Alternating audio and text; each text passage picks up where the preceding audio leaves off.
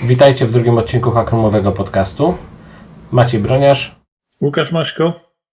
Kamil Brzeziński. I Marcin Rusinowski. Na wstępie chciałem bardzo podziękować wszystkim tym, którzy pobrali nasz poprzedni podcast. Byliśmy mocno zaskoczeni, jak zobaczyliśmy ilość pobrań i jeszcze bardziej byliśmy zaskoczeni Waszymi reakcjami. E, dziękujemy za nie wszystkie i mam nadzieję, że kolejny odcinek też Wam się spodoba. W dzisiejszym odcinku chcielibyśmy porozmawiać o, o tym, skąd brać sprzęt. Bo ludzie często pytają, e, gdzie kupić sprzęt, w jakim stanie, e, jak można sprawdzić ten sprzęt i tak dalej. E, no mamy teraz trudne czasy, bo większość imprez takich offline'owych, gdzie można sobie podejść, zobaczyć, dotknąć, pogadać z kimś, właściwie nie istnieją. E, więc e, no my się też, e, tak powiem, ratowaliśmy online'ową sytuacją, bo dotychczas organizowaliśmy garażówki, czyli takie wyprzedaże retro u nas w Hackroomie na Chmielnej, ale teraz postanowiliśmy pierwszy raz zrobić online. Wspólnie z Marcinem wystąpiliśmy na Facebooku. Tam ponad setka ludzi była w najbardziej popularnym chyba momencie. E, więc udało nam się dotrzeć do, do, do fajnej grupy ludzi. Tam chyba 1300 w sumie film miał wyświetleń zaraz po, po zakończeniu. E, ale może Marcin, ty chcesz coś od siebie powiedzieć? E, podsumujmy trochę tą garażówkę. To było bardzo ciekawe doświadczenie. Dla mnie pierwszy raz tego rodzaju sprzedaż online, chociaż w pewnym sensie jako kupujący uczestniczyłem w twojej, Kamil, wyprzedaży, którą robiłeś dwa, trzy tygodnie wcześniej. Jakoś tak to było. E, na pewno jest to trudna forma, jeżeli chodzi o e, taki kontakt zwrotny, dlatego że Facebook transmituje to z opóźnieniem, tak? Nie, nie, jesteśmy w stanie tego przeskoczyć. Natomiast wydaje mi się, że w jakiś sposób udało nam się nad tym zapanować i, i ludzie chyba się też dobrze bawili. Przynajmniej tak wskazuje feedback od, od osób, które później się odzywały. Tak, udało nam się sprzedać e, chyba ponad 70 różnych przedmiotów e, przez trochę ponad godzinę e, tego live'a. E, kwota też była całkiem, całkiem fajna. W sensie mi się wydaje, że, że udało nam się osiągnąć to, co chcieliśmy. Nawet jeszcze po live'ie, po tej garażówce ludzie do mnie pisali, pytali chociażby o gry do Atari, których nie, nie wystawiłem, ale pokazywałem, że, że mam i że będę je wystawiał.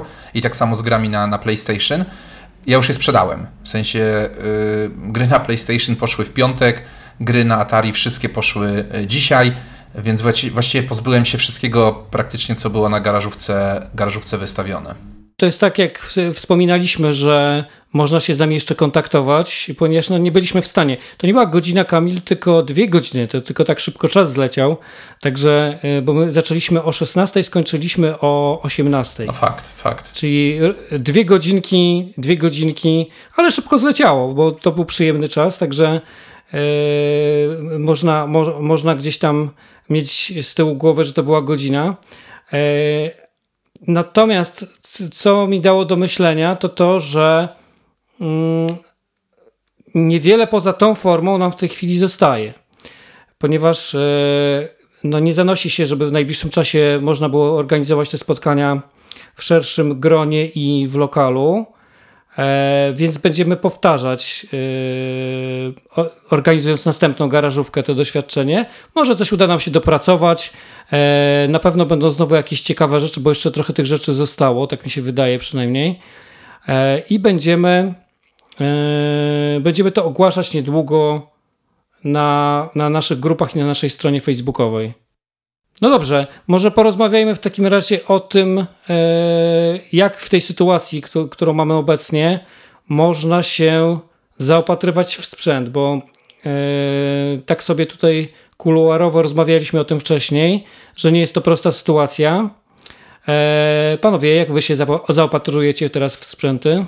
Najlepszym i najgorszym źródłem sprzętu są koledzy, bo bardzo często jest tak, że kupując od kogoś jakiś randomowy sprzęt, potem zostajecie kolegami, potem ta osoba Wam podsyła kolejne rzeczy, które warto kupić, bo są takie fajne i potem nie masz tych rzeczy trzymać i musisz wynajmować kupę miejsca, żeby te rzeczy magazynować. Marcin, tak, to trochę do Ciebie przytyk, bo jak policzę ile komputerów kupiłem, bo napisałeś do mnie, ej, tu jest taka fajna opcja, byśmy wzięli dwa, e, to jest tego strasznie dużo. E, natomiast tak poważnie, ja rozumiem, że to jest troszeczkę problem, który się pojawia ostatnio u, u dużej ilości osób, bo no jak już siedzimy w domach i raczej nic nie wskazuje na to, żebyśmy przez najbliższy rok z tych domów wyszli, e, no to fajnie byłoby czymś ciekawym się pobawić i jakoś ten sprzęt sobie ściągnąć. E, pewnie jak jest się osobą jakby spoza środowiska, bez kontaktów, to, to jest to dużo trudniejsze, bo masa ofert, które pojawiają się czy to na serwisach aukcyjnych, czy, e, czy nawet na jakichś forach e, facebookowych, e, to są takie oferty, które zgodnie z dobrą polską zasadą gwarancja do bramy i dalej się nie znamy. I znam sporo ludzi, którzy kupili sprzęt, po czym spędzili masę czasu na naprawianiu go, bo się okazuje, że sprzęt wyglądał dobrze tylko na zdjęciach, a, a potem w praktyce do niczego się nie nadawał. Tutaj tylko dochodzi jeszcze taki problem, że mówimy o sprzętach, które mają 30 albo nawet więcej lat.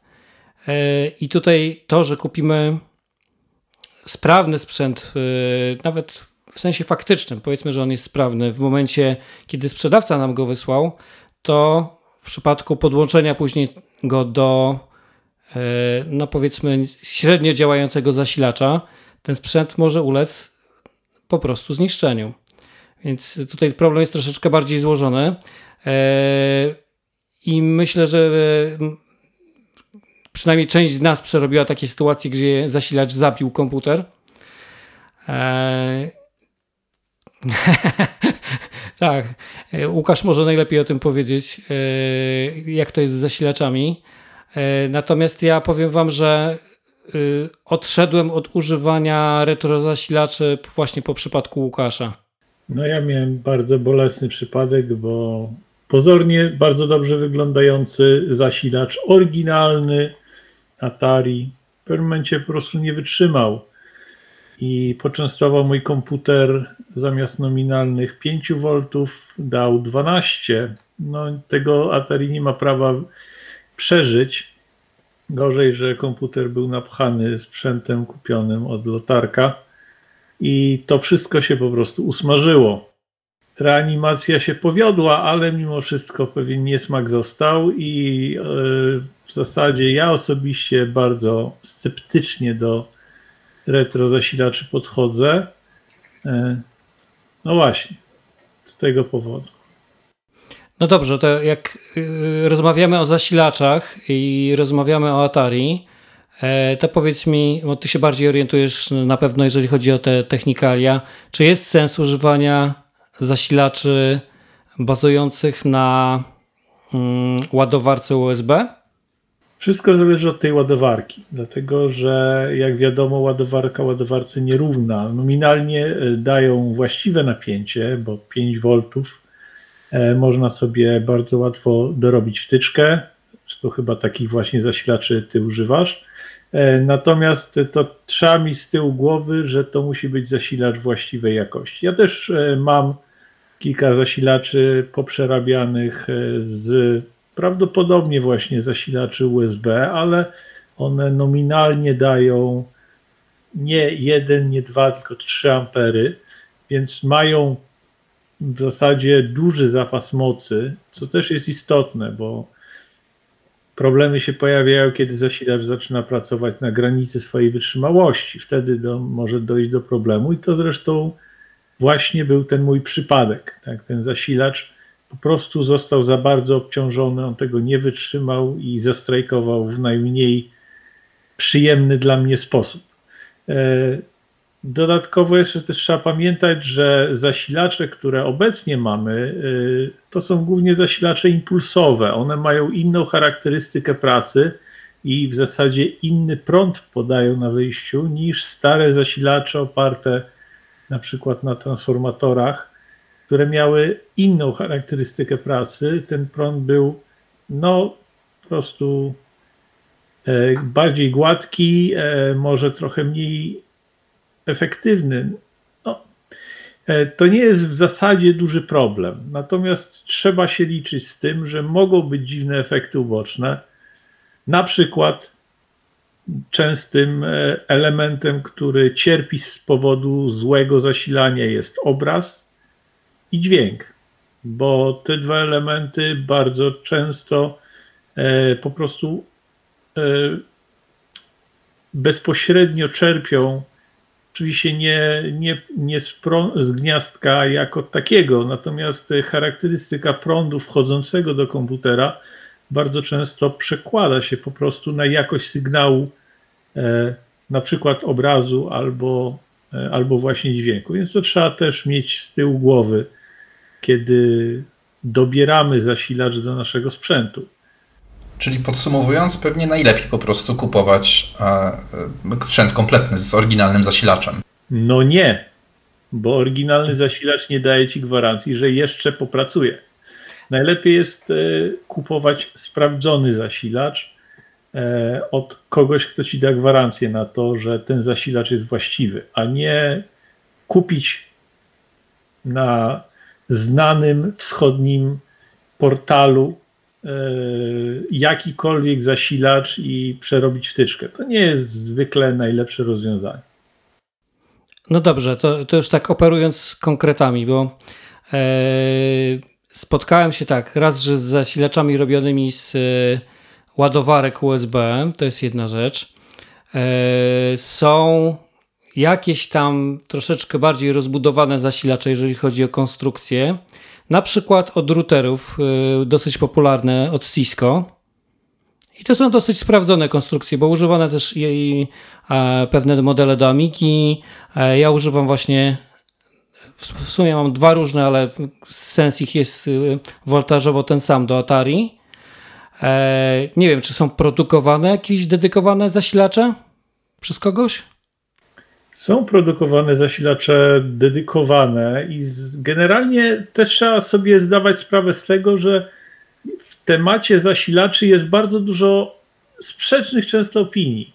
Bardzo wiele, wielu amigowców e, używa z powodzeniem zasilaczy Minuela. Na przykład ja mam taki zasilacz zabudowany w obudowie po oryginalnym zasilaczu. Po prostu jeden do jeden pasuje wkład nawet nie trzeba za bardzo się męczyć z plastikiem.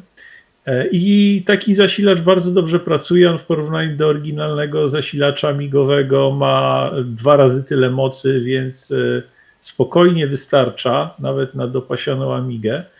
Natomiast z drugiej strony są głosy osób znanych w środowisku, że to nie są dobre zasilacze do Amigi. I teraz tak naprawdę E, pytanie jest takie, kto rzeczywiście ma rację? Ja obstawiam, że racja jest gdzieś po środku, to znaczy to nie są zasilacze do wszystkiego, e, bo prawdopodobnie w pewnych warunkach rzeczywiście coś tam może nie grać. E, natomiast też nie są to zasilacze do niczego, bo no to jest nieprawda po prostu. Bardzo często to zasilacze, które dostajemy oryginalne, nazwijmy to z komputerem, swoje już przeszły. I, I, z reguły taki zasilacz dobrze zacząć od tego, żeby go otworzyć i zobaczyć, czy ten zasilacz faktycznie nie jest jakąś taką bardzo domorosłą przeróbką. E, z którymś Applem dwójką dostałem zasilacz zewnętrzny, który no, wyglądał wzorcowo, nawet nie był jakoś bardzo pożółknięty. Mm, natomiast po otwarciu okazało się, że to jest zasilacz, który w kilku miejscach jest połatany i to jest połatany zamiast taśmą izolacyjną, to plastrem, takim plastrem, e, jakbyśmy się skaleczyli. E, więc istnieje niewąska szansa, że to się w pewnym momencie zacznie palić albo, albo stanie się z tym coś złego. Natomiast jakby na pierwszy rzut oka wszystko wyglądało wyśmienicie. No dobra, ale tak y, żeby, żeby coś komuś doradzić, bo ja sobie wyobrażam, że ktoś kiedyś miał Atari, te 20-30 lat, no 30 lat temu, jakie 20, 30-40 lat temu miał Atari czy Commodore 64 e, i teraz chciałby sobie je kupić. My tutaj dyskutujemy o zasilaczach, które są ważnym elementem komputera, ale taka osoba zwykle nie wie, jak to sprawdzić. W sensie, jeżeli rozbierze sobie taki zasilacz, to nie wie za bardzo, czy to jest dobry zasilacz, niedobry, czy, czy bezpiecznie jest go podłączyć do prądu. E, jakbyśmy mogli polecić e, jakieś konkrety takiej osobie, która chciałaby wrócić do, do retro, które zna, które nie było wtedy retro, tylko po prostu było komputerem z dzieciństwa, w jakiś prosty, bezpieczny sposób? Najprościej, moim zdaniem, jest wejść na któryś ze sklepów albo przejrzeć ofertę sklepów internetowych zajmujący się, zajmujący się handlem właśnie retrosprzętem. E, To nie musi być e, zwykle. Te sklepy nie, są, nie handlują wyłącznie retrosprzętem, tylko dodatkami również i e, przejrzeć ofertę, zobaczyć, co w danej architekturze jest oferowane. Nowe konstrukcje z tych porządniejszych, zwykle niestety też droższych troszkę, e, będą dobrze działać. Cena jest bardzo złym wyznacznikiem. Nie, nie kierujcie się ceną, bo jeżeli będziecie szukać najtańszych rzeczy, to nie warto. Ten komputer, który do tego podłączycie, e, jest wart dużo więcej pieniędzy niż e, Wam się wydaje, i podłączanie byle jakiego, byle tańszego zasilacza jest bardzo złym pomysłem. Ktoś z Was może polecić jakieś, e, nie wiem, sprawdzone miejsca, sprawdzone sklepy, cokolwiek konkretnego dla, dla, dla któregoś z naszych słuchaczy, co, co chciałby, tak powiem, bezpiecznie się bawić? Przy czym od razu zaznaczam, że to nie jest żadna kryptoreklama i mam nadzieję, że się właściciel sklepu na mnie nie obrazi. E, na Allegro jest taki użytkownik, nazywa się CC64 Power, który ma w ofercie bardzo fajne zasilacze do e, Atari, do Commodore i to zarówno jakby do, do mniejszych urządzeń, czyli do 64 czy do Atari e, XLX, jak i do ST i do Amigi 500-600.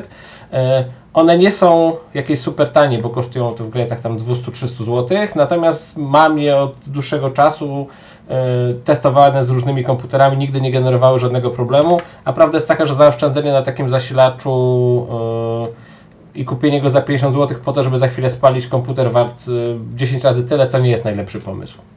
Dodajmy też, że niektóre urządzenia mają dosyć proste zasilacze, bo na przykład są to zasilacze E, jednowoltażowe. Natomiast e, no, akurat C64 jest tym komputerem, który w, w zasilaniu swoim potrzebuje zarówno prądu zmiennego, jak i stałego.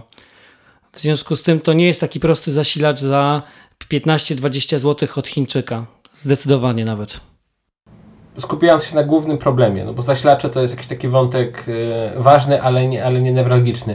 E, skąd w ogóle dostać sprzęt? Znaczy, jeżeli zdecydowaliśmy się, że chcemy kupić e, coś innego niż remake'i typu C64 Mini, które możemy znaleźć na Allegro czy, czy na Amazonie, to skąd w sensowny sposób kupić komputer oryginalny?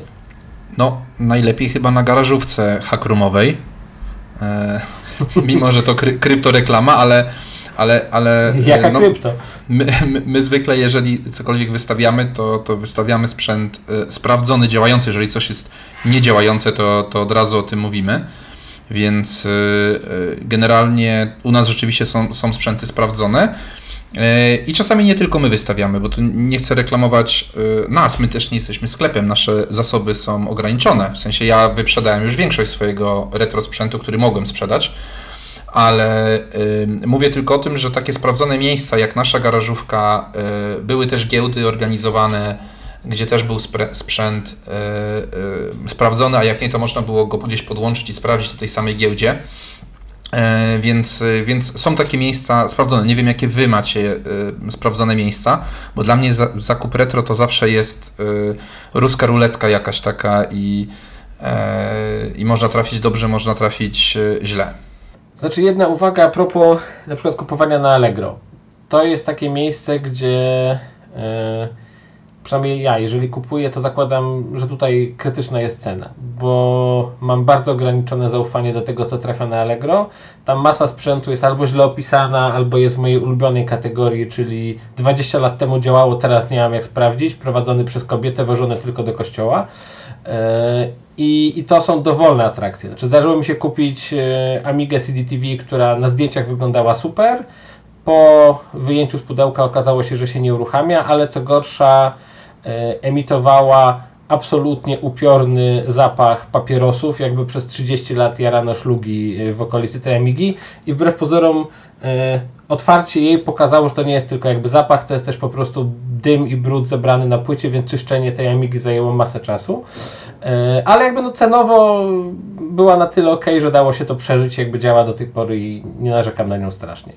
powiem Wam szczerze, że ja w momencie, kiedy zbierałem swoje retro, czyli takie ostatnie kilka lat, to korzystałem głównie z zasobów Wielkiej Brytanii w większości, albo rynku amerykańskiego, czyli eBay, albo y, grupy sprzedażowe, czy osoby, które gdzieś tam były polecone po prostu, ale to no, była kwestia jakichś tam kontaktów.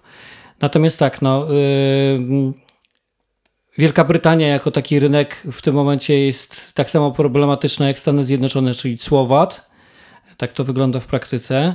Yy, ceny retro tam skoczyły no naprawdę znacznie, czyli to już nie jest tak, że można tam sobie kupić e, od kogoś, kto wie, co sprzedaje, e, sprzęt za bezcen. To, to już e, ten czas już mamy za sobą. E, także mm, jeżeli ktoś tam e, kupuje tanio, to kupuje z tak zwanych car sale'ów, czyli wyprzedaży samochodowych, które nie wiem, czy w tym momencie nawet tak do końca funkcjonują, bo tam też są jakieś obostrzenia, które, które powodują, że jest mniejszy dostęp do tego sprzętu. Natomiast eBay, eBay nie jest takim złym źródłem, jeżeli chodzi o kupowanie sprzętu. E, pod warunkiem, że oczywiście płacimy PayPalem, tak? Jest to jakieś zabezpieczenie na e, sprzedawców, którzy e, mają gdzieś, czy ten sprzęt dotrze do nas w jednej części. Na przykład mój Apple 2GS przypłynął z połamaną obudową. Na szczęście wszystkie elementy były w środku. Udało mi się zgrzać to tak, że prawie, prawie nie widać śladów. No i w sumie takich przygód z połamanymi komputerami to miałem parę. E, natomiast no, e, tutaj to jest kwestia wyłącznie solidności sprzedawców. No. Nawet teraz kupując, nie wiem, pół roku temu jakiegoś MSX-a też zaliczyłem e, pęknięcie obudowy, mimo tego, że prosiłem sprzedawcę, żeby zapakował lepiej, co ma zrobić. Nawet wysłałem mu taką krótką instrukcję, no ale nie udało się. Także to są to są y, takie rzeczy, na które trzeba się nastawić. Nie ma gwarancji, że sprzęt, który kupujemy, dotrze do nas w jednym kawałku. Dwie rady w kontekście korzystania z eBaya. Po pierwsze, kategorycznie trzeba ten sprzęt y, obejrzeć przy kurierze. Y, mi się zdarzyło zaliczyć taki fakap, że kurier zostawił gdzieś paczkę w jakimś sklepie koło mojego bloku, bo niby nie było mnie w domu. No i jak poszedłem paczkę odebrać, to się okazało, że paczka miała w środku komputer, który był doszczętnie połamany z zewnątrz. No i jakby dochodzenie po tym i reklamowanie tego jest pewnym problemem. Natomiast jest druga rzecz, którą sprzedawcy bardzo chętnie próbują robić, czyli piszą to ty mi zapłać przez PayPala, ale ustaw, że to jest przesyłanie pieniędzy koledze, e, bo wtedy on nie zapłaci prowizji, jakby dostanie więcej kasy i tak dalej, a potem jakby dochodzenie jakichkolwiek roszczeń jest właściwie niemożliwe. Znaczy PayPal mówi, że no to spadaj to nie jest jakby przypadek, który możemy objąć e, jakąkolwiek ochroną, więc e, należy być w miarę upartym i nie zgadzać się na takie e, mikrooptymalizacje. No dobrze, a jakie jest za Allegro w tym momencie? Allegro jakoś chroni? To jest o tyle proste, że no zawsze kupując jako osoba fizyczna masz prawo zwrotu. To, że ktoś tam sobie napisze w aukcji, że on nie przyjmuje zwrotu i nie uwzględnia zwrotu, to, to on sobie tak napisał. E, to też jest pytanie, czy kupujemy w ramach licytacji, czy kupujemy w ramach tego, co na Allegro nazywa się kup teraz, bo to wbrew pozorom są dwa różne stany prawne. E, I jeżeli jakby kupujemy coś w ramach licytacji, to paradoksalnie mamy mniejsze możliwości na przykład reklamowania, niż jak kupujemy to w ramach, w ramach po prostu opcji kup teraz. E, druga rzecz to też pytanie od kogo kupujemy. Czy kupujemy po prostu od osoby fizycznej, czy, czy od kogoś, kto prowadzi, nazwijmy to, działalność w tym obszarze. Allegro na szczęście takich ludzi zaczyna wypychać w ogóle z Allegro. To znaczy, jeżeli jesteś e, gościem, który znalazł na strychu dwa Atari i dwa joysticki i chce je sprzedać, to idź sobie na Allegro lokalnie i tam sobie tym handluj. Natomiast jeżeli jesteś na platformie Allegro, to musisz spełniać pewne standardy i, i tak naprawdę to jest taka platforma trochę dla sklepów. To nasz wspólny kolega y, handlujący interfejsami do, E, różnych komputerów właśnie to odkrywa, że jakby z perspektywy Allegro on nie jest biznesem, tylko jest e, jakąś taką działalnością chałupniczą. No dobrze, a OLX-y i inne takie portale ogłoszeniowe? Generalnie bardzo trudnym tematem, dlatego że jeżeli używamy OLX-a zgodnie z tym, do czego on był przeznaczony, czyli do lokalnych transakcji, które odbiera, w których odbieramy sprzęt osobiście, to powinno być wszystko ok, dlatego że, no właśnie, jedziemy, widzimy się ze sprzedawcą, możemy obejrzeć towar i wtedy jest ok. Natomiast jeżeli chcemy coś kupić wysyłkowo, no to niestety musimy się liczyć z tym, że możemy dostać wszystko, łącznie z cegłą e, i no, to jest bardzo kłopotliwe. Tak, OLX ma ten program ochrony kupujących niby od niedawna wprowadzony dla wysyłek, ale on nie działa. W sensie przestrzegam e, z góry, bo on działa na tej zasadzie, że OLX blokuje e, waszą wpłatę jako kupującego do czasu, aż odbierzecie przesyłkę. Czyli e, w momencie, kiedy podejdziecie do paczkomatu i zamkniecie drzwiczki od paczkomatu, bo wyjęliście paczkę, w tym momencie pieniądze dostaje sprzedawca. Nie w momencie otwarcia paczki, sprawdzenia zawartości. Także ten program ochrony kupujących na Elixie praktycznie nie działa. Allegro zdecydowanie tutaj daje, daje lepsze mechanizmy. No i tak jak powiedział Łukasz, e, generalnie odbiór osobisty sprzętu znalezionego gdzieś w sieci to jest chyba najlepsza opcja, jeśli chodzi o retro Dlatego też mówiłem o tych e, naszych garażówkach, dlatego też jakieś tam giełdy, które się od czasu do czasu pojawiały. E, to, to jest dobra opcja, bo można było sobie podejść, e, sprzęt rzeczywiście pomacać, podłączyć, zobaczyć, czy wszystko działa i, i, i być pewnym, że nie kupuje się tego kota w worku. Popularny, to tam dłużej wegetują takie ogłoszenia, które są ewidentnym wałem. I od dłuższego czasu na przykład są wrzucane na OLX-a e, Amigi takie w formie komputerka rzekomo FPGA.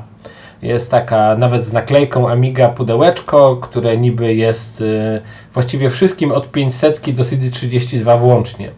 I ludzie to kupują za tam bodajże od 400 do 500 zł, będąc przekonanymi, że, że kupują no, jakieś rozwiązanie typu FPGA, a to jest po prostu Raspberry Pi z wgranym emulatorem Amigi e, i z powgrywanymi jakimiś obrazami Kickstartu, nie do końca działające, a na pewno jakby nie będące dedykowanym rozwiązaniem FPGA. E, no i potem trochę głupio to reklamować, bo właściwie no nie możesz zwrócić, no bo dostałeś to, co masz na zdjęciu, więc, więc spadaj. No dobrze, ja jeszcze wspomnę tylko w takim razie o e, jednej formie, która zakupu starych komputerów, która wydaje mi się y, dobrą alternatywą do tych wszystkich portali sprzedażowych, mianowicie dedykowane fora. E, bo oczywiście z zachowaniem, y, z zachowaniem e, takiego bezpiecznego kupowania pod tytułem kupujemy od nie nowych, dopiero co zarejestrowanych użytkowników, tylko od ludzi, którzy są jakiś czas na tym forum, są znani, są polecani i no, można im po prostu zaufać kupując. E, tym bardziej, że e, właśnie kupujemy stary sprzęt, o którym niekoniecznie wiemy tyle, co ci ludzie, którzy no, po prostu spędzają z nim dużo czasu. Słuchajcie, no dobrze, czyli zakładając, że kupiliśmy w sposób bezpieczny ten stary komputer, o co powinniśmy na początku zadbać? Najśmieszniejsze jest to, e, jak ludzie kupują sprzęt. Typu, nie wiem, ktoś kupuje ode mnie konsolę Atari. E, I co z tego, że kupi konsolę, jak nie ma w co na nie grać? E, nie wiem, jak nie ma joysticków, tak? Ja akurat jak sprzedaję sprzęt, to zwykle mm, sprzedaję w takim stanie, żeby można było go od razu używać, czyli nie wiem, jak sprzedawałem Atari 7800 to z mm, padami, jak Atari 2600 to z joystickiem jakimś, żeby, e, żeby to było kompletne, tak? No i tam e, zwykle jest tak, jeżeli kupujemy komputer typu, nie wiem, Commodore 64 czy Atari jakieś, e, no to no włączymy go, podłączymy, ale co dalej, tak?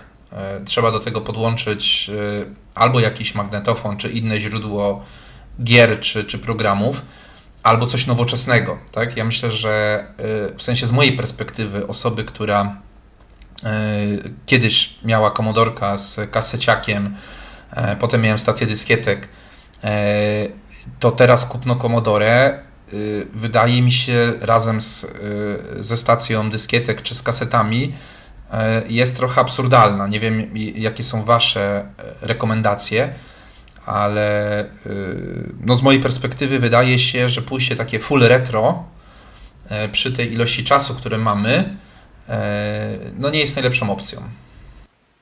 Moim zdaniem należałoby na to spojrzeć troszkę inaczej, dlatego że e, pierwsze pytanie, które należałoby sobie zadać, to jest, czego ja oczekuję.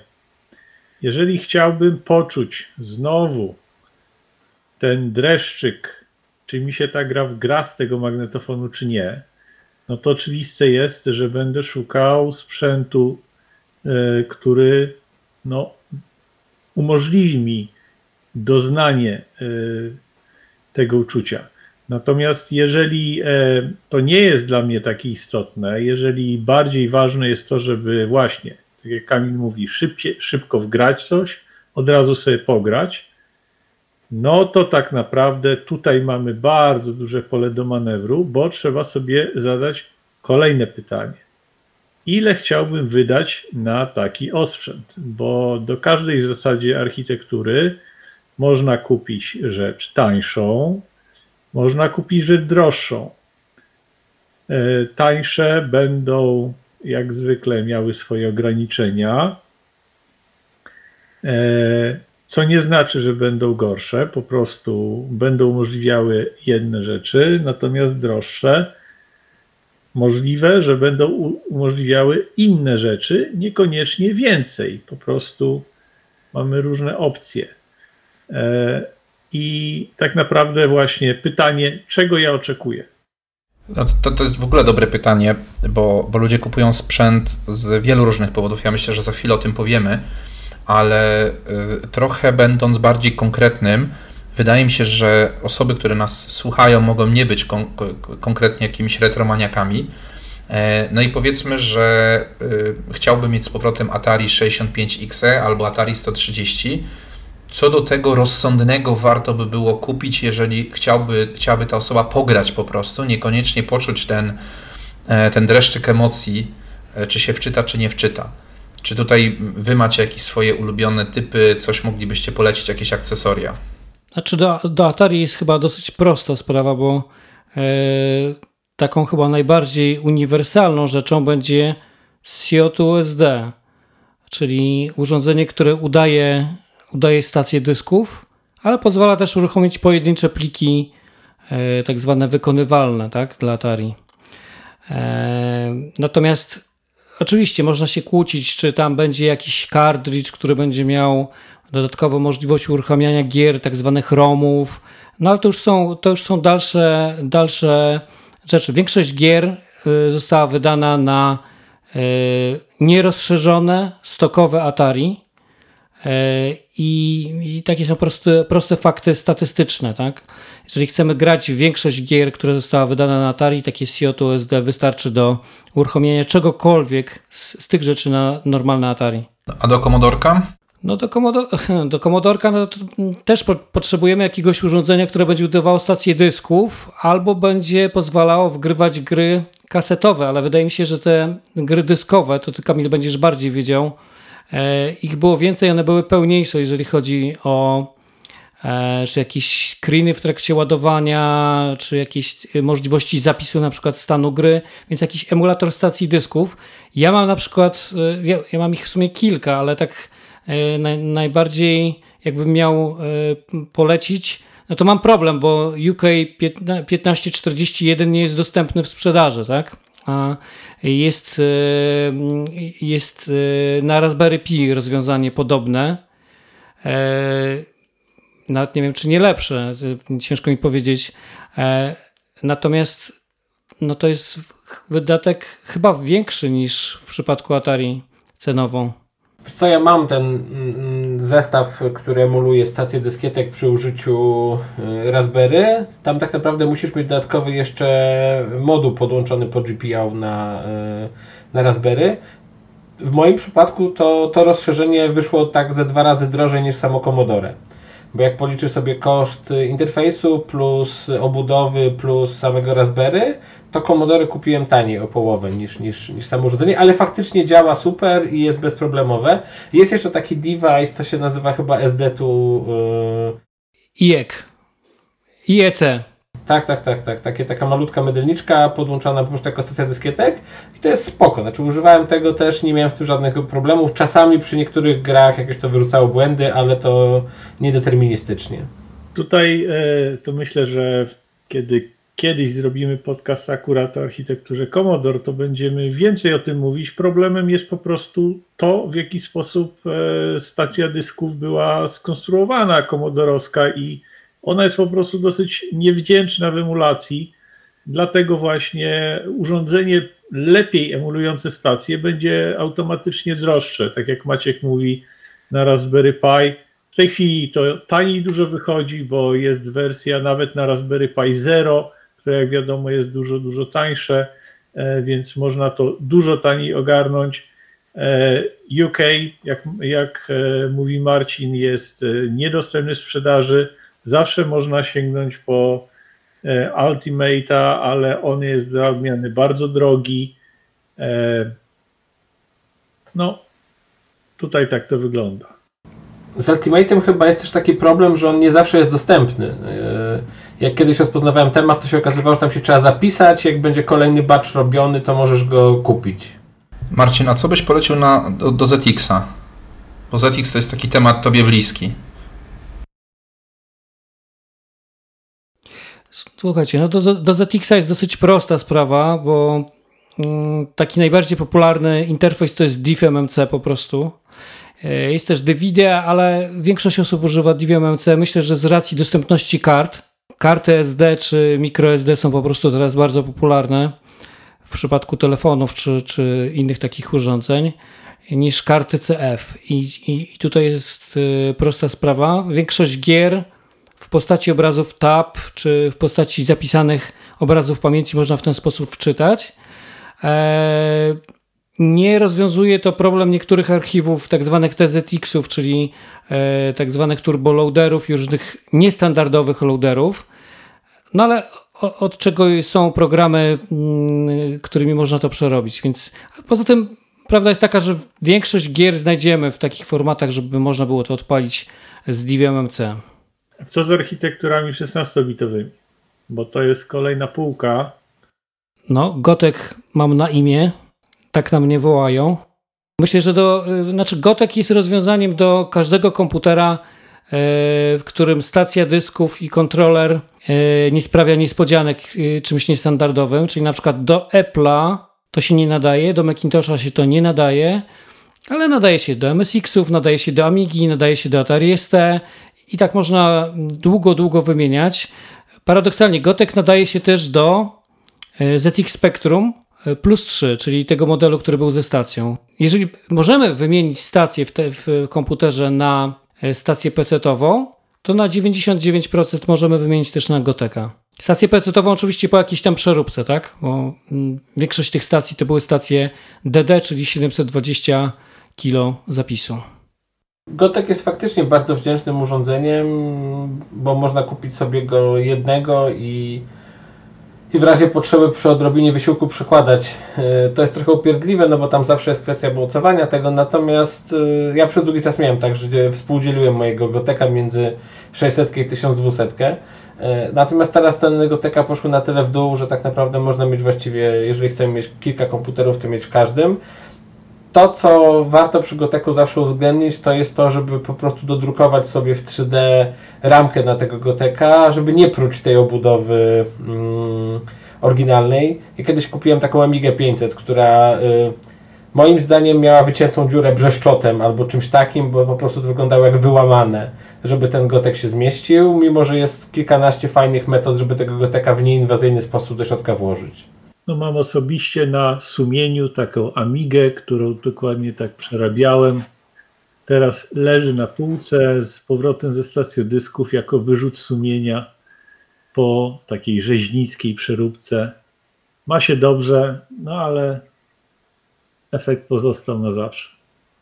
E, Marcinie, jeśli chodzi o tak zwanego Goteka i Apple'a, to Poczytaj o HXC, bo emulator HXC podobno Apple 2 obsługuje. Także może Cię to zainteresuje. Do Apple'a drugiego, znaczy generalnie do produktów Apple'a jest jedno bardzo dobre rozwiązanie, które nazywa się Flash Floppy i Flash Floppy albo Flopiemu. Flopiemu. Tak, tak, mam to do dwójki. Flash Floppy to firmware do Goteka. O, dokładnie. Mm, Floppy EMU i Floppy EMU jest o tyle fajne, że pasuje też do Macintosha.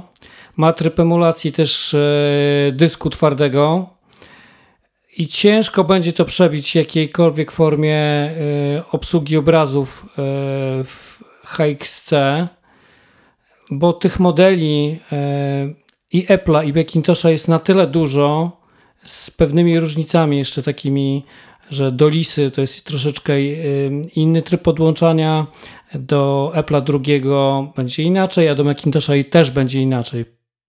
Żeby było jasne, pamiętajmy, że Gotek to nie jest jedyne nowoczesne rozwiązanie do 16-bitowych komputerów, bo w zasadzie każda architektura ma swoje dedykowane dla siebie rozwiązania typu e, zastępnik dysku twardego na karty na karty CF, tudzież na karty SD. Szczęśliwie 16-bitowe komputery są na tyle nowsze, że często nie trzeba za bardzo kombinować, na przykład do Amigi czy do Atari e, e, dużego tak zwanego, można bez większego problemu podpiąć zamiast dysku twardego kartę CF czy kartę SD to bardzo często jest najlepsze obecnie rozwiązanie, bo oryginalne dyski twarde po pierwsze były małe relatywnie, a po drugie w tej chwili są bardzo trudno dostępne w stanie działającym. No, jako sprzęt mechaniczny podlegały zużyciu i do naszych czasów już mało z tego dożyło. No tak, to jakby jeżeli chodzi o dyski ID, to jest właśnie prosta sprawa, bo wystarczy nam tak naprawdę konwerter z ID na dany format y, kart, czyli czy CF, czy, czy SD, tak jak powiedziałeś. Natomiast jeżeli zastępujemy taką pamięć masową jak SCSI, no to niestety jest troszeczkę bardziej skomplikowana sytuacja, bo potrzebujemy urządzenia, które będzie emulowało y, nie dość, że pamięć masową, to jeszcze kontroler, który jest na jakby wbudowany w urządzenie, który między innymi przekazuje numer urządzenia SCSI, który zgłasza się przy kontrolerowi wbudowanemu w komputer w całą tą szynę, yy, szynę SCSI, która sczytuje numery tak naprawdę na starcie. E, więc tutaj takie urządzenie SCSI USD na przykład, yy, no nie jest to taka tania zabawa, ale są, są. Na pewno jest to opłacalne w momencie, kiedy chcemy mieć e, miarodajny sposób e, na zapis, odczyt e, bez stresu, że ten dysk, który ma też 30 lat, e, no po prostu padnie, tak? No i jest ciche. To jest jeszcze ta, ta zaleta, jeżeli, jeżeli używamy komputera gdzieś, gdzie e, no nie chcemy, żeby ten dysk terkotał, no to te współczesne rozwiązania mają to do siebie, że one są po prostu ciche. Są ciche i jest jeszcze jedna zaleta, która na przykład w przypadku Amigi 600 sporo robi. E, one się nie grzeją. E, więc, e, a przynajmniej taka karta CF grzeje się dużo mniej niż stare dyski z Kazi czy IDE. Więc to, to ma znaczenie. Dobra, no to kolejny element. Jak taki komputer podłączyć do wyświetlacza. To jest kolejna bardzo długa historia i z bardzo wieloma opcjami i twistami. Co na ten temat? Tu są dwie szkoły. Znaczy, można podłączyć i można podłączyć, żeby obraz był dobry. E, I to wbrew pozorom są często dwie różne rzeczy. E, no, musimy mieć gdzieś tam z tyłu głowy, że większość z tych komputerów była przewidziana w takim modelu, że będą podłączane do albo do telewizorów i do telewizorów kineskopowych, albo do mm, dedykowanych monitorów. I nagle się okazuje, że jeżeli telewizory współczesne nie tylko tracą już porty RF, ale na przykład coraz więcej telewizorów w ogóle nie ma y, wejść kompozytowych, y, no to zaczyna być problem, jak to podłączyć. Są oczywiście konwertery HDMI, y, ale one wbrew pozorom czasami działają tak sobie i ten obraz na dłuższą metę momentami robi się męczący. No, znowu to jest trochę dyskusja, jakby do czego potrzebujemy tego komputera. Znaczy, jeżeli chcemy sobie popykać w Riverida casualowo co jakiś czas, no to pewnie taki adapter będzie ok. Ewentualnie można kupić monitor z wyjściami. Były takie monitory na przykład LG. To chyba Łukasz, ty też masz taki, gdzie z tyłu były złącza właściwie każdego typu. E, od HDMI przez e, D-Suba po, po RF e, i one fajnie działają, można sobie spokojnie to podłączyć. A jeżeli na przykład chcemy używać Amigi tak jakbyśmy ją używali 20 lat temu z dedykowanym monitorem, no to niestety trzeba się najczęściej szarpnąć na jakiś dedykowany yy, upscaler, żeby ten obraz na telewizorze czy na dowolnym monitorze wyglądał dobrze. No to zaorałeś cały temat. No ale tutaj, tak powiem, dochodzimy do, do, do e, tematu, po co ludzie kupują retro. Trochę, bo yy, albo kupują, żeby rzeczywiście pograć i wtedy szukają, dobierają sobie sprzętu odpowiedniego i albo, tak jak Łukasz wspominał, chcą poczuć ten retro feeling i kupują sobie e, stary osprzęt, ale złapanie takiego starego monitora oryginalnego E, to jest nie lada wyzwanie, plus ceny są e, kosmiczne, e, ale dużo przecież kupuję zupełnie z innych powodów. Przecież Marcin, ile ty masz ZX-ów w domu? No, wszystkie. no tak, tylko słuchajcie, kupujemy dlatego, że zbieramy, kupujemy dlatego, że coś tam odtwarzamy sobie z przeszłości, na przykład E, Mikołaj chyba teraz e, zbiera swojego, znaczy składa swojego pier pierwszego peceta, e, bo widziałem, że szukał na grupach jakiejś tam płyty głównej, jakiegoś tam konkretnie dysku, więc to jest cały czas zabawa w sentymenty i w jakieś wspomnienia dla pewnej grupy osób. A część osób, jeżeli chce pograć, tak jak Kamil ty, no to zostawia sobie te C64 Maxi, tak? Po prostu podłącza, podłącza do, mm, wtedy kiedy chce do monitora HDMI, czy nawet do laptopa, gdzieś tam, bo też taka jest możliwość, żeby sobie to podpiąć przez jakiś graber i, i wtedy sobie gra. I to też jest jakieś doświadczenie. E, a ja część komputerów zbieram po to, żeby mieć jakąś tam kolekcję tych komputerów, bo się nimi interesuję i żeby mieć możliwość odpalenia na przykład jakiegoś E, prost, jakiejś prostej produkcji demoscenowej e, swojej na, na tym komputerze w celach testowych, albo żeby odpalić czyjeś produkcje demoscenowe właśnie na, na oryginalnym sprzęcie. E, ale ja rozdzielam te komputery, to znaczy część komputerów jest u mnie w kolekcji i, i ona jest na takiej emeryturze, czyli w gablocie. One oczywiście wszystkie działają, to jest tylko kwestia tego, że do zabawy y, takiej na parę godzin mam specjalnie do tego przygotowany sprzęt. Od nieszczęsnego zasilacza, o którym wspominaliśmy na początku, przez y, takie lekkie stuningowanie e, całego komputera.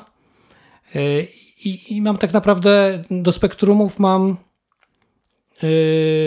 mam trzy komputery takie uwspółcześnione w jakiś sposób, bo jeden jest E, kompletnie, znaczy dwa są kompletnie współczesne, bo jeden to jest Jazz Specy, które wszyscy znamy e, i, i część z nas e, je posiada, czyli współczesny komputer współcześnie wykonany, będący klonem ZX Spectrum 128, ale z wbudowanym interfejsem DVM-MC, z wyjściem RGB, ten komputer, ja pamiętam, na pierwszej giełdzie Pixela chodził 8 czy 10 godzin non-stop i on nie był nawet ciepły pod koniec.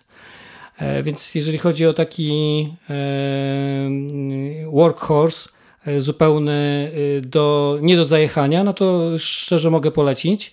Zresztą na, na jest to mm, maszynka kompotowa tak zwana, czyli do, do odtwarzania do odtwarzania produkcji demoscenowych. E, drugim takim komputerem jest e, Szarak, czyli Spectrum 128K plus 2 z magnetofonem, ale on jest po odpowiednich tuningach, ma jeszcze tam dodatkowe jakieś radiatory pozakładane, on się też nie grzeje. Natomiast jest dwa razy większy od Jazz Specy, więc jak mam mało miejsca na biurku i chcę na szybko coś sprawdzić, no to wyciągam Jazz Specy. Jak chcę mieć trochę sentymentów, to wyciągam Szaraka.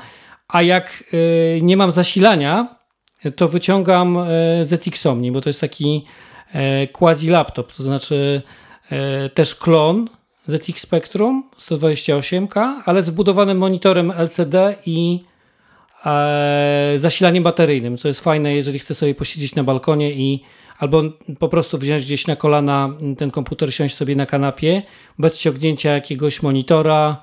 No właśnie, to jest takie, takie rozwiązanie, gdzie, gdzie mogę skorzystać z takiego komputera. Ja mam taki setup zrobiony, że yy, no, o ile komputerów to jestem w stanie na biurku sobie upchnąć kilka, jak tak teraz patrzę, to mam i Spectruma, i Atari, i Amigę. E, no to jednak upychanie dedykowanych monitorów do wszystkiego boli, więc taki multimonitor, który obsługuje większość standardów jest w stanie w miarę przyzwoitą jakość obrazu zapewnić na, e, na dowolnej platformie, to jest rzeczywiście rzecz na wagę złota. E, no, pamiętajmy też, że jakby ciągłe przepinanie, w sensie odpinanie, wpinanie kabli też tym interfejsom nie pomaga. Ja już widziałem przypadki, gdzie ktoś sprawdzając, czy na pewno dobrze docisnął kabel do monitora w komodorcu, efektywnie spowodował, że już ten obraz nie działał w ogóle.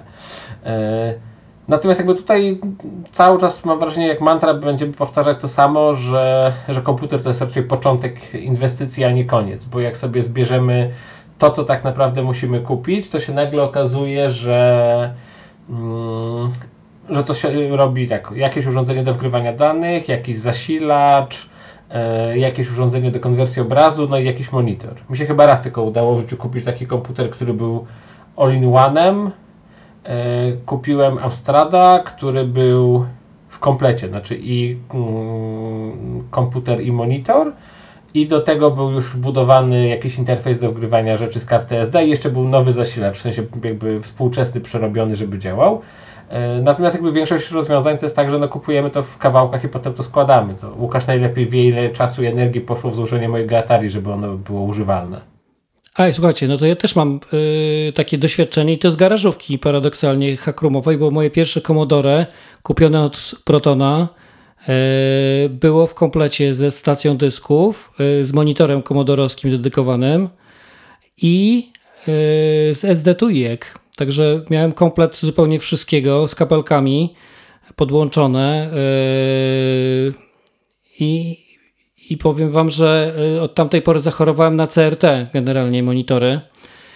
I e, trochę mnie boli, jak oglądam z, obraz z tych starych komputerów na, na monitorze HDMI i, i mm, Powiem Wam, że na przykład w przypadku Commodora jest to kosmiczna różnica w kolorach, jeżeli oglądamy to na tej bańce CRT. Chociażby z tego powodu, że ona ma błyszczącą powierzchnię, a dużo monitorów e, czy telewizorów ma matową matrycę. I tutaj ta różnica jakby w odbiorze kolorów jest już inna, pomijając jakby e, to, że konwersja nawet przez takie droższe urządzenia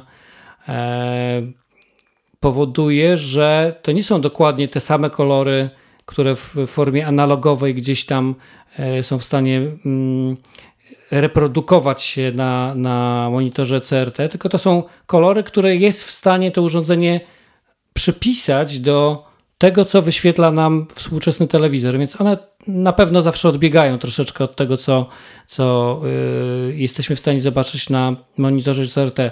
Natomiast E, no i jedna rzecz jest e, dosyć prosta i nie do przeskoczenia, to znaczy kolejny monitor typu właśnie CRT to jest kolejny klamot, który gdzieś tam musimy uzasadnić do postawienia, zwykle przed małżonką i resztą rodziny, więc na pewno e, jeżeli chodzi o kompromis, to szukanie konwertera będzie bezpieczniejsze dla naszego retro w takim czynniku spokoju domowego kiedyś w Wiedniu byłem w takim sklepie slash giełdzie z retro i tam na ścianie był plakat, że zbieram stare komputery, bo jest to y, droższe niż narkotyki.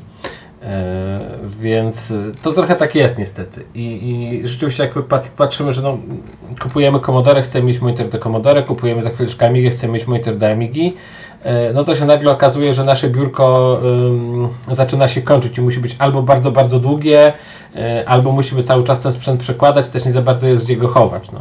Oczywiście można się posadowić w hackroomie i wtedy jest zdecydowanie więcej miejsca i można ten sprzęt mieć stale rozłożony, natomiast no, to jakby jest rozwiązanie nie dla wszystkich. Mm, ale wracając do monitorów, chyba takim optymalnym rozwiązaniem są rzeczywiście te monitory, czy to Samsunga, czy, mm, czy LG, które po pierwsze działają z Amigą, więc, y, więc nie ma problemu z, z tym, żeby się obraz na przykład 600 dobrze wyświetlał, ale po drugie mają wszystkie możliwe interfejsy. Ja mam zrobione w ogóle tak, że mam wyprowadzone pod biurko wszystkie kable, więc podpinając kolejny komputer nie muszę ciągnąć kabla, tylko po prostu wyciągam go z podbiórka i, i podłączam urządzenie. No dobrze, yy, tylko teraz tak, yy, monitor, jeżeli będziemy kupować monitor do, sta do starego komputera, to monitor pozwoli nam podłączyć albo sygnał tak zwany kompozytowy, albo sygnał RGB, albo sygnał VGA. Tutaj jakby większych niespodzianek nie będzie. Natomiast Całkiem spora część retrokomputerów, tak jak mówiliśmy to poprzednim razem, funkcjonuje jeszcze na tak zwanym RF-ie, czyli sygnale do wyświetlenia e, w paśmie programów telewizyjnych analogowych. I tutaj e, monitor, jeżeli kupujemy, tak jak ten LG, nie wiem czy on ma funkcję E, ma funkcję też telewizyjną, tak? Ma RFA i można zaprogramować sobie tą częstotliwość dla, dla danego komputera. E, tylko oczywiście to jest najgorszy możliwy sygnał, jeżeli chodzi o jakość e, do wyprowadzenia z retrokomputera, sygnał, sygnał antenowy.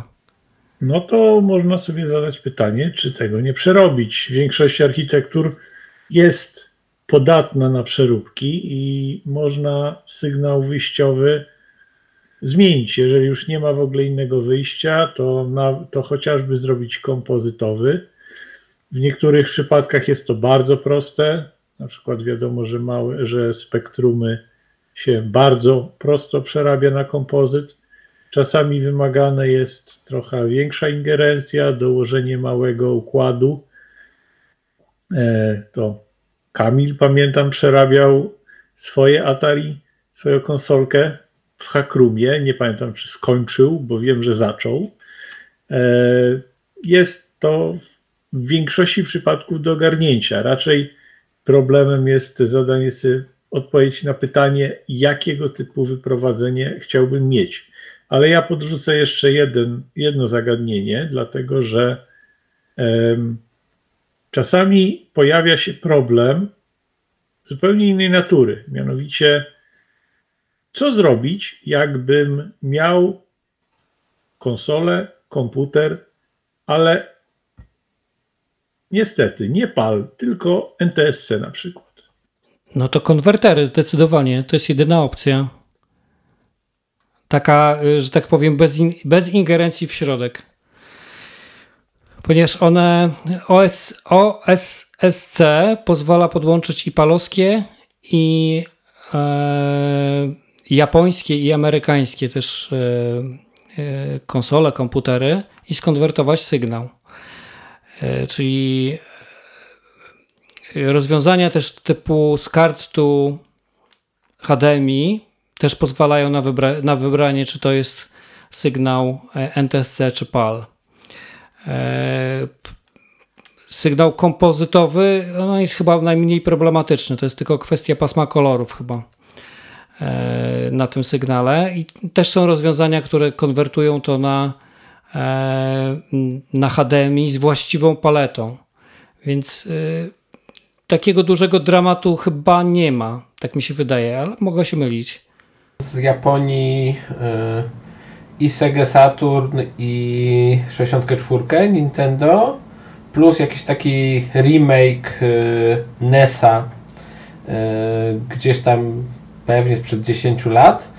Y, one wszystkie są NTSC i, i, bez problemu konwerterem to się opękuje i to działa bez zarzutu. To znaczy jestem absolutnie zachwycony tym, na przykład jak ładny obraz Sega Saturn jest rysowany na, na normalnym telewizorze przy konwerterze NTSC. Ale to jest konwerter na HDMI, czy jakiś innego typu? To jest konwerter HDMI, y, który po prostu bierze z jednej strony sygnał kompozytowy i tylko ustawiasz, czy wejście jest NTSC czy PAL.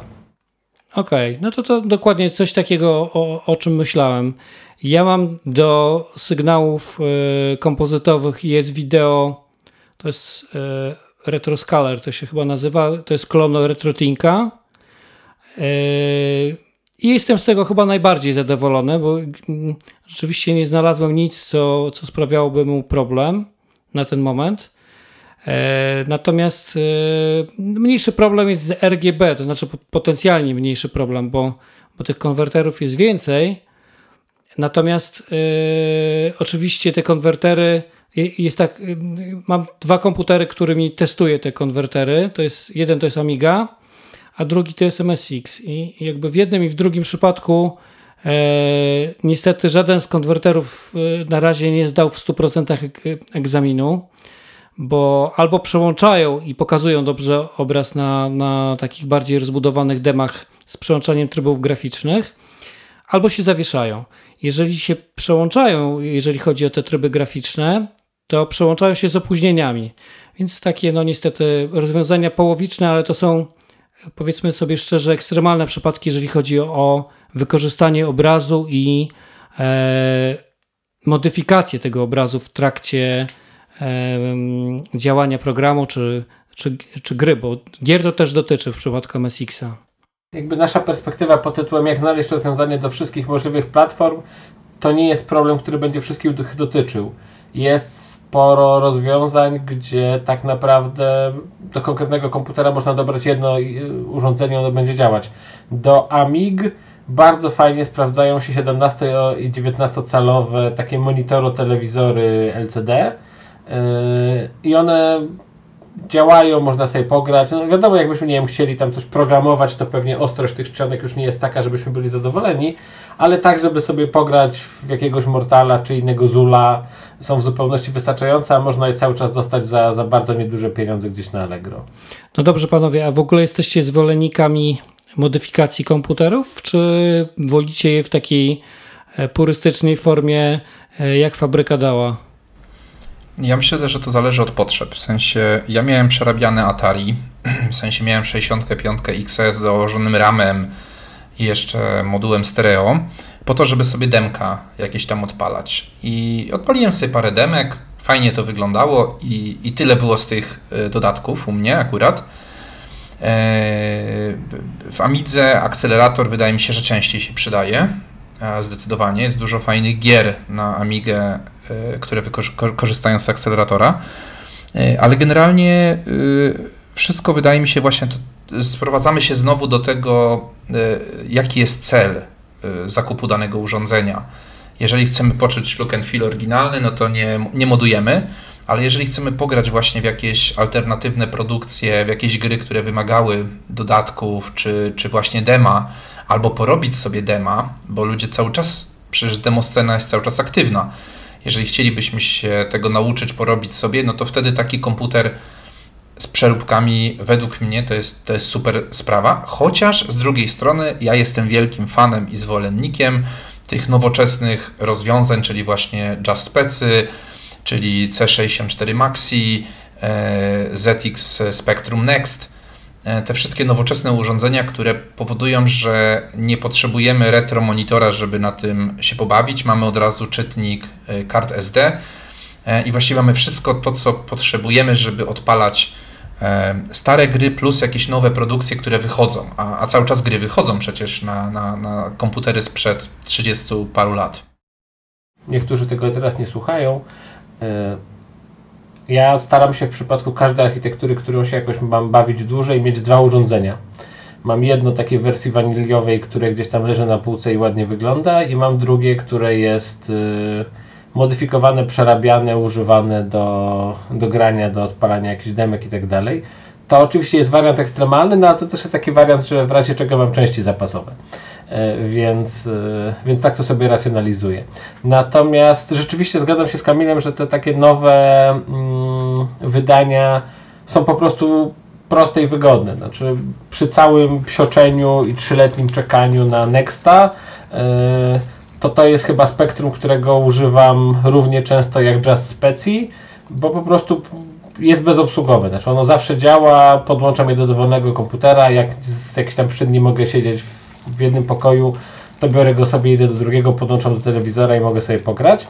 I ono po prostu funkcjonuje, więc, e, więc to jest rzeczywiście bardzo fajne rozwiązanie. Pewnie tak samo jest z tymi nowymi wydaniami Commodore.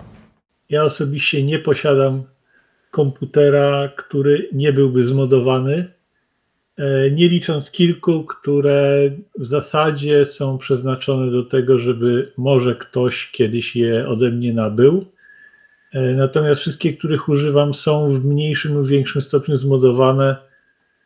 Po prostu tak jakoś, takie mam, tak, takie mam wymaganie. Tak? Wtedy lepiej się czuję, jak wiem, że ten komputer ma coś więcej niż to wyszło z fabryki. E, no, to jest bardzo indywidualne, myślę, podejście. To też oczywiście będzie pewnie dyskusyjne i kwestia trochę religijna, ale wydaje mi się, że w przypadku rozszerzeń e, to jednak lepiej kupować te rozszerzenia, które są współczesne.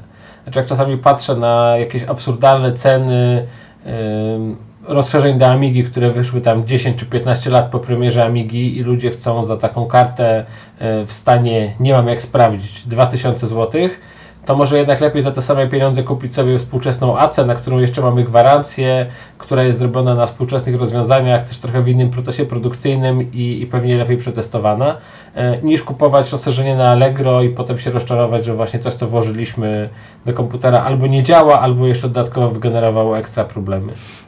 No tak, to jest Amiga, jeżeli chodzi o swoje rozszerzenia, y, to ma te swoje ceny rzeczywiście wyśrubowane, jeżeli chodzi o te stare Blizzardy czy Apollo. Natomiast y, to tak naprawdę też zależy od platformy, dlatego że w przypadku na przykład ZX Spectrum za dużo tych rozszerzeń do środka ludzie nie pakują. E, bo tak naprawdę do momentu, kiedy nie chcemy mieć na przykład w ZX Spectrum trybów timexowych czy palety ULA Plus, no to tak naprawdę wszystko do ZX Spectrum może znaleźć się na zewnątrz, poza powiedzmy modem e, z RFA na, na kompozyt, o, o którym mówił wcześniej Łukasz. Słuchajcie, będziemy chyba powoli zbliżać się ku końcowi. E, ja wiem, że nie wyczerpaliśmy wszystkich tematów, natomiast to też jest tak, że to jest y, bardziej zasygnalizowanie ich niż, niż y, wyczerpanie. Będziemy omawiać po kolei wszystkie architektury i tam możemy sobie pomawiać wszystkie możliwe interfejsy, pokłócić się, który jest lepszy i dlaczego jak kupujemy Blizzarda i mamy czerwoną Amigę, to wszystko działa szybciej. Bo czerwona jest szybsza. A Atari obciążone też spada szybciej wracając do rzeczy poważnych, szykujemy powoli kolejną garażówkę. Myślimy troszeczkę może o, o rozszerzeniu formuły, żeby, e, żeby była jeszcze fajniejsza niż poprzednia. E, korzystając z okazji, jeszcze raz bardzo dziękujemy wszystkim patronom i mamy olbrzymi dług wdzięczności wobec Was, bo bez Waszego wsparcia to, co robimy, by się nie udawało i, i Hackroom nie mógłby istnieć, a istnieje już ładny kawał czasu. Ja chciałbym jeszcze tylko dodać, że jeżeli macie jakieś propozycje tematów, yy, które byście chcieli, żebyśmy poruszyli w tych naszych tutaj rozmowach, to śmiało piszcie do nas. I, i co? I dobranoc. Dobrej nocy wszystkim. Do usłyszenia. Do usłyszenia.